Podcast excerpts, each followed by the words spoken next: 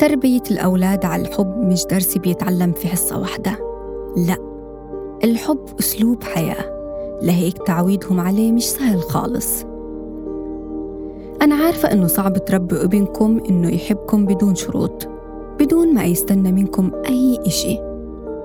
خدوا بالكم في كتير أهل بيستسهلوا الموضوع وبيرشوا أولادهم ليحبوهم.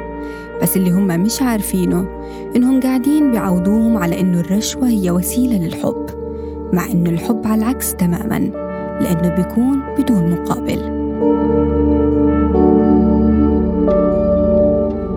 إنه تربوا أولادكم على الحب مش معناها إنكم تكونوا رخيم بالتعامل ومتساهلين.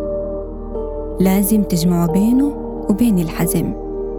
يعني حطوا شوية ضوابط وقواعد وما تسيبوا كل إشي على الحب. لأنه ابنكم محتاج توضحوا له شو التصرف الصح وشو الغلط. ولازم تنتبهوا إنه صداقتكم مع أولادكم ما تنسيكم دوركم كأب وأم.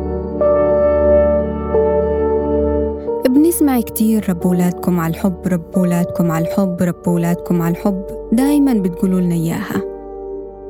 بس ما حدا بيقولنا كيف. بس اليوم أنا موجودة. وحقولكم كيف تربوا ولادكم على الحب.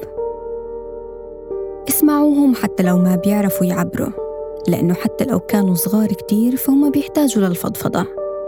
وطبيعي لأنكم بتسمعوهم حيسمعوا لكم وحيسمعوا الآخرين. وحاولوا دايما تعلموهم الصح بطرق مشوقة ومختلفة باستخدام الألعاب، العرايس، القصص والدباديب اللي بيحبوها. وخليهم يساعدوكوا بحاجات بسيطة زي تنظيف الطاولة خلط السلطة وغيرها من الحاجات السهلة اللي بتخلي الطفل مبسوط وبتعزز العلاقة بينكم وبينه.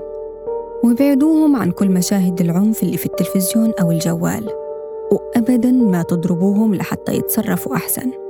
ولإنكم ما بتؤذوهم لحالهم حيتعلموا الصح والغلط من توجيهكم.